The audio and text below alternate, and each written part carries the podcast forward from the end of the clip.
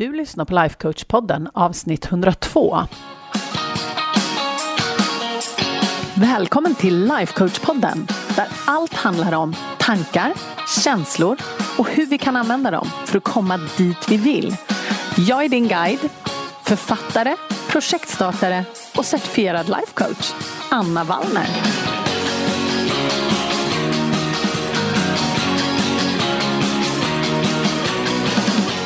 Men hej hallå på er! Nu är det måndag igen, nya friska tag. Du kanske inte lyssnar på det här på en måndag såklart. Du kanske lyssnar någon annan dag, vad vet jag. Men det vi ska prata om idag är känslan av brist, tillräcklighet eller överflöd. Och det här är någonting som jag har pratat med mina coachkollegor om väldigt mycket. För beroende på vilket tillstånd man befinner sig i, och vi befinner oss såklart i alla de här till och från. Vi är inte mer än människor. Det är väldigt få, tror jag, som lever bara i ett av de här, utan vi rör oss emellan de här. Men anledningen till att jag vill prata om det är just för tydlighetens skull. Hur ofta vi faktiskt lever i ett tillstånd av brist och hur det påverkar oss och hur vi faktiskt kan ta oss ur det. Ni vet ju att jag älskar tips. Så att det är därför jag försöker ge er konkreta tips varje vecka. Inte alltid, ibland så håller vi på med någonting annat, men väldigt ofta så är det ju konkreta tips och det kommer ni få idag också. Men just det här med brist, tillräcklighet och överflöd, det är någonting som påverkar oss, är jag övertygad om, mycket, mycket mer än vad vi någonsin kan tänkas tro. Och mycket av det här ligger liksom i vår om vi ska kalla det för programmering då, för det är så himla många av oss som agerar på väldigt likartade sätt. Vi tänker ganska ofta automatiskt att ja, men det finns inte tillräckligt. Det finns någon slags stress över att skaffa tillräckligt mycket, vad vet jag, kläder, tid, pengar, mat. Det kan vara precis vad som helst. Men våra hjärnor verkar ganska intresserade av att fokusera just på bristen. Det har väl helt säkert att göra med den här överlevnadsinstinkten, eller vad vi nu ska kalla det. Men i vårt samhälle idag så tar den former som den kanske inte tog för, vad vet jag, 20 000 år sedan eller något sånt. Och just att befinna sig i den här bristen, i det här mentala tillståndet som bristen håller oss i, det är någonting som gör att vi inte kan känna oss till exempel lugna och lyckliga. Och därför så tänker jag, det här måste vi prata om. Så det jag tänker prata lite om idag, det är delvis vad är brist? Vad är tillräcklighet? Vad är överflöd? För att alla det här, allt det här tycker jag är sinnestillstånd, skulle jag vilja säga. Och beroende på vilket av de här tillstånden man befinner sig i så kommer vi kunna se att det påverkar våra resultat på olika sätt. Men definitivt så skulle jag säga att det här är sinnestillstånd och känslor. Så om vi tittar till exempel på brist då. Den här känslan av brist jag skulle definitivt säga att det är en känsla. Och det känns liksom, det känns läskigt och som vi pratade om tidigare, det känns som ett hot mot vår existens och våran, våran överlevnad. Och det här kommer ju ifrån att vi tänker tankar som att det finns inte tillräckligt, eller jag borde ha mer, andra har så mycket, jag har mycket mindre jag kan inte få mer. Det är liksom på något sätt tankar kring att det helt enkelt inte finns tillräckligt. Men den här liksom tanken på att det inte finns tillräckligt behöver inte vara förankrad i någon typ av verklighet. Och för de flesta av oss så finns det heller inte det. Och det är det vi pratar om idag. Och att befinna sig i den här bristen, som sagt mentalt, det är inte någonting som gagnar oss. Men det kan också vara svårt kanske att se att man faktiskt befinner sig i det. Och den här bristtillståndet skiljer sig väldigt mycket emotionellt, skulle jag säga, från att eh, befinna sig i ett tillstånd av tillräcklighet. För befinner man sig i en känsla eller i ett tillstånd av tillräcklighet, då känner man sig ofta lugn och man känner sig ofta trygg. Och det kommer från tankar som jag har det jag behöver, jag har mer än tillräckligt eller jag har åtminstone tillräckligt. Jag kommer alltid ha tillräckligt. Jag behöver ingenting mer. Jag behöver inte fokusera på att skaffa mer. Liksom, utan det finns en grundläggande trygghet i att man har det man behöver. Och kanske är det så att leva just i den här tillräckligheten, för vi pratar ju nu om brist, tillräcklighet och överflöd. Och väldigt många av oss kanske är så här, ja men vi, vi vill inte leva i brist. Då vill vi absolut leva i överflöd. Men frågan är ifall det verkligen är det optimala. Jag är inte helt säker. Men det kan ju såklart också vara individuellt beroende på hur man reagerar på de här olika tillstånden. Men jag är inte helt säker på att just den här tillräckligheten, den kanske är stället som vi faktiskt vill ha våran bas i. För just den här tryggheten som vi kan uppleva när vi känner att vi har tillräckligt och att vi faktiskt inte behöver, inom situationstecken, någonting mer. Vi skulle kunna skaffa mer, men vi behöver inte mer. Det ger liksom en trygg bas som jag personligen tror är bra oavsett vad det är man försöker skapa. Även om man försöker skapa mer och ta sig in i överflöd så tror jag att tillräckligheten är en oerhört bra grogrund liksom, för att skapa det här. Och om vi ändå är inne på överflöd, då, så ja, men överflöd skulle jag säga att det är ett tillstånd som produceras av tankar som det finns massor. Det är lätt att skaffa mer, det räcker åt alla, tillgången är inte begränsad, det här är inte ett problem. Och att befinna sig i den här överflödstanken, den tror jag kan vara oerhört produktivt för vissa. För många är den säkert superbra att befinna sig i. Men för vissa så tror jag också att det kan skapa en osund drift mot att liksom alltid skaffa mer. Ungefär som att bara för att det går att skaffa mer så ska man skaffa mer.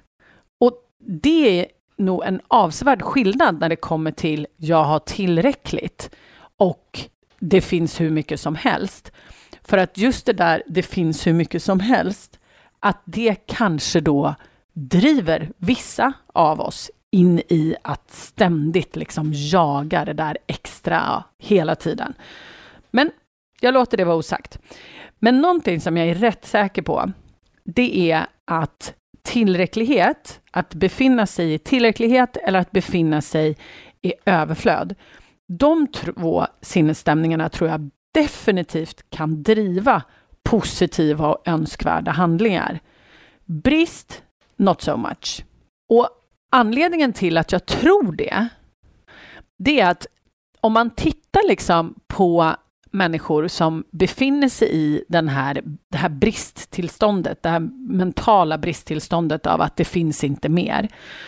Jag skulle säga att det som händer när vi är i det, det är att vi blir mindre fokuserade, vi blir mindre kreativa, vi blir mindre effektiva, för vi är, vi är, liksom till, vi är i ett tillstånd av någon slags eh, fiktiv överlevnadsmode. Eh, och då är det det som hjärnan ser som det största hotet och då fokuserar man på den bristen. Även om den absolut inte är verklig. Och om vi tittar liksom på vad vi kan känna brist kring för olika ämnen så skulle jag säga att väldigt, väldigt många känner brist kring pengar, tid, men vi kan också känna brist kring mat. Och nu kanske du tänker så här, vad är hela friden? Men jag lovar, jag ska berätta.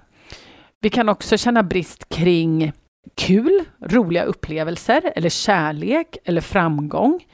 Och hela tiden så är den här bastanken att det finns liksom inte tillräckligt. Och att leva i brist när det kommer till pengar, om vi ska exemplifiera det här lite grann då, så tror jag att det är kanske inte så svårt, även om man inte lever i det själv, så är det inte så svårt att sätta sig in i det, att man ser sitt bankkonto och så tycker man det här är inte tillräckligt, jag borde ha mer, jag kan inte köpa det jag vill. Det kan ju vara både pengar och kanske saker man vill köpa som man känner brist inför. Just att det finns inte tillräckligt. Och sen tid. Det här tar mina klienter upp så himla mycket. Jag har inte tid. Jag har inte tillräckligt med tid. Det är ju också någonting som väldigt, väldigt många av oss tänker löpande. Att vi har inte tillräckligt med tid och att det stressar oss jättemycket. När det kommer till mat så vet inte jag om du har det här personligen, men jag vet att många som jobbar med det här med överätning eller upplever att de har en konstig relation till mat, upplever brist kring mat. Det vill säga, jag kommer missa den här upplevelsen. Åh, det här är så gott. Om jag inte äter det nu så kommer det inte finnas kvar. Eller om man är på en fest till exempel och sen så vill man jättegärna äta det och dricka det som bjuds för att man tänker det här är ju bara det här tillfället, det kommer inte komma tillbaka. Det är också en typ av brist faktiskt. Eller det här med kul, det är också någonting som är så klassiskt nu, det här FOMO, fear of missing out. Det tror jag alla vi har upplevt. Det är också när man befinner sig i ett bristtillstånd som man befinner sig i det här äh, fear of missing out. Ja, men oj, vad händer om jag inte går? Då kommer de ha roligt utan mig. Då kommer jag missa det här. Det är också jätte, jättevanligt. Eller kärlek i relationer. Vad leder det till? Svartsjuka, avundsjuka. Man tror liksom inte att det finns tillräckligt med kärlek så att det räcker till alla. Eller i det här fallet så riktar man det ofta till sig själv att om den där personen älskar den där personen, då kan de inte också älska mig. Och så blir man svartsjuk eller avundsjuk. Så det är en typisk sån här bristmentalitet. Och också framgång. Det kan vi ju se nu på sociala media väldigt mycket, att vi tittar runt omkring oss och så ser vi andra människor som vi tycker ser framgångsrika ut. Och det försätter oss i ett bristtillstånd, för vi tänker att de är så himla framgångsrika, jag kommer aldrig kunna bli det. Och så blir vi också avundsjuka kanske på andras eh, framgång. Så att allt det här skulle jag säga är saker som det här bristtillståndet, liksom varför det här bristtillståndet är någonting som vi inte vill vara i. För det skapar liksom så mycket, inte kanske problem, men det skapar resultat runt omkring oss som vi faktiskt inte vill ha. Och om vi tittar liksom lite närmare då på, jag vet att jag rasslar på här väldigt fort, men det är för att det inte ska bli jättelångt. Ni vet ju att mina poddar, jag vill gärna hålla dem kring 20 minuter, så vi får se hur det går här. Men det som är intressant är ju, vad är det brist skapar? Och grejen är det att brist, det, vi pratar ju om det, det är ju en känsla. Men brist har väldigt många kompisar också. brist har massa känslokompisar, som till exempel rädsla, känslan av att det är bråttom, det är stress, man känner sig överväldigad.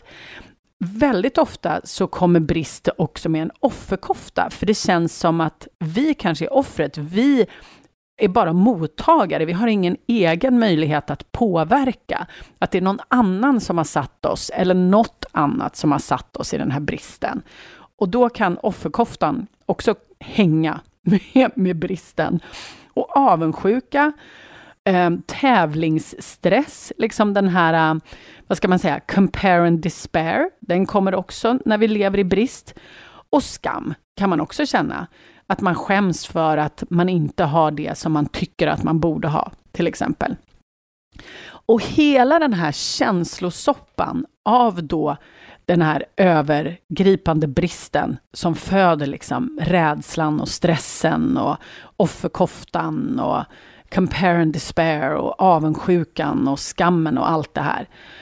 Det får oss att handla på sätt som faktiskt inte gagnar oss överhuvudtaget. Och till exempel, ett exempel som jag har är tidsbrist. Om man känner till exempel att man har bråttom. Det här hände mig häromveckan. Då skulle vi packa. Vi skulle åka till mina föräldrar i Stockholm och vi hade sagt att vi skulle vara där en speciell tid.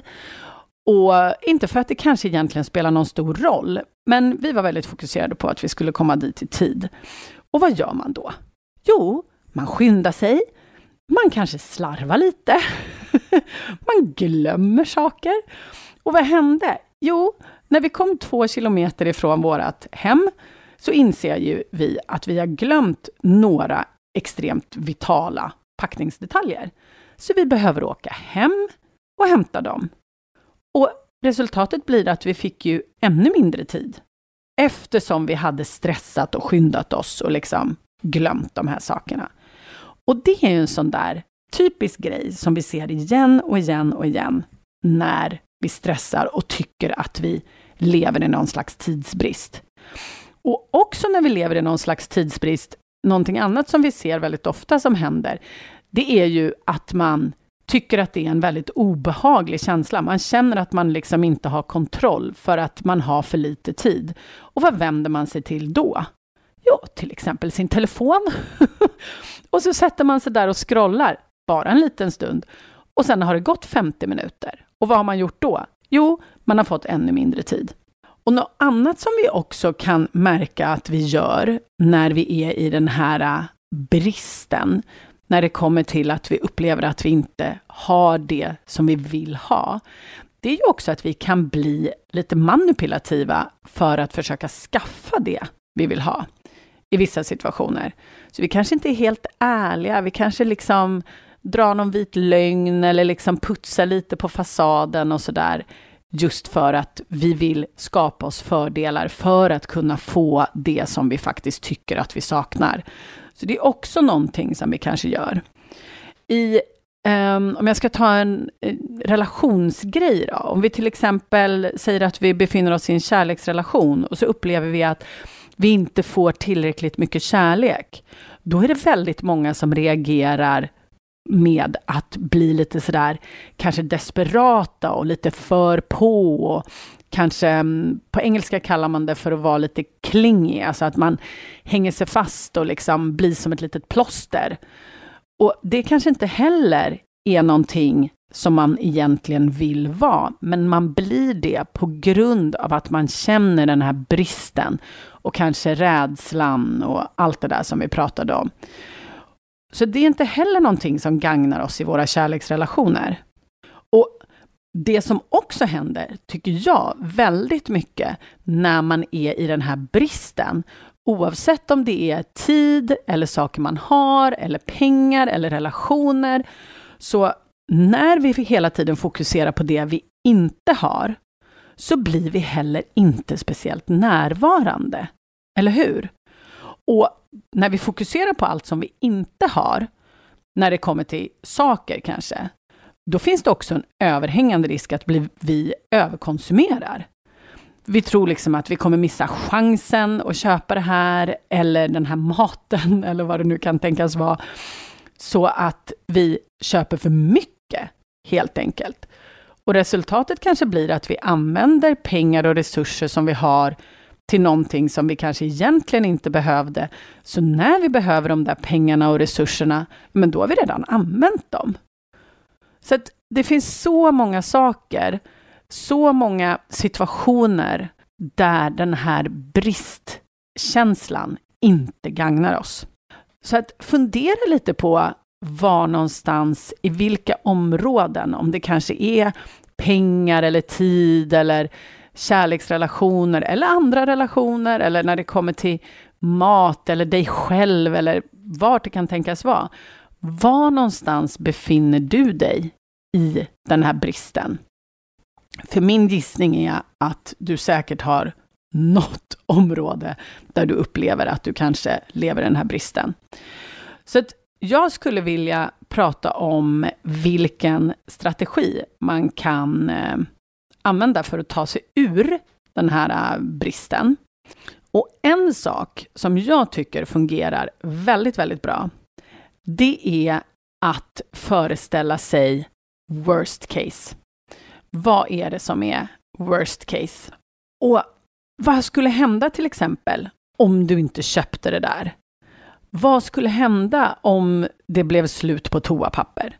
Vad skulle hända om du inte kunde betala dina räkningar? till exempel. Och att man verkligen låter hjärnan gå hela vägen ut. Och faktiskt också helt ärligt inse att ja, men, ja, det skulle lösa sig. Jag skulle klara mig. Vi skulle vara okej. Okay. För väldigt ofta så bryts det i den här, äh, vi låter inte hjärnan liksom gå hela vägen ut, utan vi bara tänker så här, nej, då kommer allt bli katastrof. Och sen så definierar vi liksom inte riktigt vad det faktiskt betyder. Vad betyder katastrof? Vad skulle hända? Om det hände, vad skulle vi göra då? Och om vi faktiskt låter oss själva gå hela vägen så kommer vi inse att ja, det skulle kanske inte vara önskvärt, men vi skulle fixa det. Så det är en strategi som jag verkligen, verkligen kan rekommendera. Att faktiskt tänka hela linan ut och inse att om det här skulle hända så skulle jag eller vi klara oss ändå. Och jag har några idéer också på som jag vill dela med mig av lite tankar som kan flytta en ut ur brist när det kommer till några av de här ämnena som vi pratade om. Och just när det kommer till pengar och saker, det här är några saker som jag brukar tänka. Det är därför jag delar med mig. Det finns såklart massa andra saker som ni också skulle kunna tänka. Ja, när det kommer till pengar och saker, då brukar jag tänka så här. Jag kan alltid hitta det jag behöver. Och om det är någonting som jag verkligen, verkligen ville ha och sen så när jag kommer dit så är det slut, då brukar jag tänka, det var inte meningen att jag skulle ha det där. Det kommer komma någonting annat som det är meningen att jag ska ha. Och sen en av mina absoluta favorittankar är, jag har exakt det jag behöver just nu. Sen kanske det kan vara så att jag vill ha någonting annat i framtiden, men just nu så har jag faktiskt allt jag behöver. Och för min del så är det ganska lätt att se. Liksom. Visst, det är klart att jag har jättemånga saker som jag skulle vilja ha och det är vissa saker som min hjärna säger är jättenödvändiga och att det är bråttom. Men jag lever just nu och vi har det bra och vi har det varmt och det är fine. Och just nu, precis just här, så har jag allt jag behöver. Det är inte svårt att se bevisen på det, tycker jag. När det kommer till tid så brukar jag tänka, jag har precis lagom mycket med tid. Och den, jag älskar den tanken, jag tycker att den är så skön. För visst, det är klart, det är jättemånga dagar då jag inte får allting gjort som jag hade velat ha gjort. Men då kan jag alltid titta tillbaka och se så här, ja, men det kanske inte var meningen att jag skulle göra just det där idag. Det kanske är meningen att jag ska göra det imorgon. Och jag menar inte som en ursäkt, men det finns ingen poäng att använda det här till att slå på sig själv. Liksom. Utan jag har precis lagom med tid. Tid är någonting neutralt.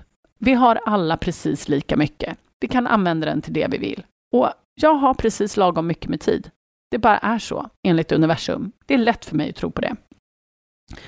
Och när det kommer till mat, ni som har lyssnat på podden länge, ni vet ju att jag har haft en speciell relation till mat, kan man säga. Och just när det kommer till så här god mat, ni vet, man serveras god mat och man känner så här, åh, det här, jag kommer missa det här, det här kanske aldrig kommer igen och det ena med det tredje, det kan vara, det kan vara påkännande, absolut. Då brukar jag tänka att god mat, det kommer alltid att finnas. Det finns inte ett problem kring det här. Om jag inte äter det nu så kommer det finnas god mat forever and ever. Och det tycker jag är en jätteskön tanke. Den funkar för mig. Och framgång också, för alla er som är entreprenörer eller drivna eller hela den biten och ni tittar på sociala medier och känner lite det här äh, compare and despair. Då så kan man välja att tänka, kan de så kan jag. Det tycker jag är en jättepeppig tanke. Det kanske inte är peppigt för dig. Det kanske gör att du känner dig superstressad eller någonting annat. Men det är någonting som jag tar till i alla fall. Jag gillar den jättemycket. Och en annan sak, när jag ser alla de här människorna som är så framgångsrika och som kanske hjälper många fler än vad jag gör, eller de är så duktiga och så intelligenta och de lägger ut så mycket bra content och det är så fantastiskt. Istället för att kasta mig in i den här, och jag är så dålig, de är så bra, så tänker jag, heja dem. Vilken inspirationskälla! Jag är så glad för deras skull och alla oss runt omkring som kan titta på dem och ta del av det de skapar och det de gör och ha dem som inspiration. Det är en helt annan upplevelse att befinna sig där än att befinna sig i de är så duktiga, jag är så himla dålig. Så, nu rinner tiden iväg hörni. Så, jag vill ge er några punkter. Så är det så att du känner så här, det här vill jag titta lite närmare på, vart någonstans jag befinner mig i brist och hur jag kan ta mig därifrån. Om det är så att du är ute och kör nu, då får du komma tillbaks till podden sen och skriva ner de här punkterna. För att nu har jag en fempunktslista som ni kan ta för att faktiskt gå igenom det här. Så punkt ett. Välj ett område där du känner att du just nu är i brist och där du faktiskt vill ta dig ut. Antingen till tillräcklighet eller till det här överflödet som vi pratade om. Det spelar inte så stor roll. Börja med att bara fokusera på att ta dig ut ur det här området. Så definiera vilket område det är. Och min rekommendation är att du tar ett område i taget. Verkligen. Även om din hjärna säger att ni ska ta er ut ur allting samtidigt. Så ta ett område i taget. Nummer två.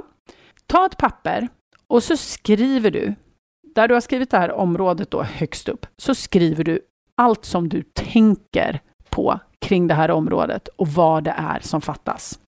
Allt vad du tänker. Censurera inte dig själv, utan bara skriv. Och sen punkt nummer tre. Bli okej okay med worst case. Om allting då går åt helsike, som din hjärna kanske föreslår, vad händer då? Vad skulle den här bristen i långa loppet kanske kunna leda till? Och bli okej okay med att om det skulle hända så skulle du klara dig ändå. Det skulle gå. Och jag säger inte att det är någonting som vi ska eftersträva eller något sånt. Och vissa tror att ja, men då kommer jag bara liksom skita i allting. Nej, det kommer du inte, jag lovar. Men när vi kan känna en, ett lugn över att om det skulle hända så skulle vi vara okej, okay, då kan hjärnan lite släppa det. För då behöver den inte vakta på just det där. Oj, shit, vad händer om worst case faktiskt händer? Så det är punkt nummer tre. Sen punkt nummer fyra, så vill jag att du ska titta på allt det här som du tänker och så fundera på hur du kanske skulle tänka eller hur du skulle kunna tänka istället. Så vilka bevis kan du se liksom runt omkring dig nu när det kommer till det här ämnet, att du faktiskt har allt du behöver och att allting faktiskt är okej. Okay. Så vad skulle du liksom kunna tänka? Det är punkt fyra, istället för det som du tänker just nu. Och sen punkt nummer fem, det är att välja kanske en eller två av de här tankarna som du har skrivit där uppe och så faktiskt tänka dem med flit. Så bestämma alltså vilka tankar du faktiskt tänker tänka med flit aktivt. Och då vill vi ju att de ska generera någonting annat än den här bristkänslan. Vi vill ju att de ska generera en känsla av trygghet, lugn, tillräcklighet eller om du har gått så långt som till överflöd. Det är helt upp till dig. Men vilka tankar är det du faktiskt vill tänka? Så punkt ett, välj ett område där du vill skifta ut ur eh, brist. Två, skriv allting som du tänker just nu som skapar den här bristkänslan. Tre, bli okej okay med worst case och vad det faktiskt skulle innebära. Punkt fyra, hur skulle du kunna tänka om det här området istället som skulle få dig att känna någonting annat, någonting mer positivt. Och fyra, välj ut en eller två av de här tankarna som du kom fram till och träna dem med flit. Det, min vän, kan ändra jag skulle inte säga hela, ja, det skulle nog kunna ändra hela ditt liv beroende på hur mycket i brist du faktiskt befinner dig. Så känner du att det här är jobb som du behöver göra, ta tid och gör det, min vän. Det är så viktigt och det gör så stor skillnad. Så hörs vi nästa vecka. Puss och kram! Om du gillar vad du hör här på podden så måste du kolla in mitt månatliga coachningsmedlemskap. Där tar vi alla verktyg här på podden plus massor mer. Vi tillämpar dem och får våra hjärnor att jobba för oss istället för emot oss. Det är en game changer. Jag lovar. Och jag skulle älska att få ha dig med. Du går bara till annavallner.se medlemskapet så kan du läsa mer och gå med. Vi ses på insidan.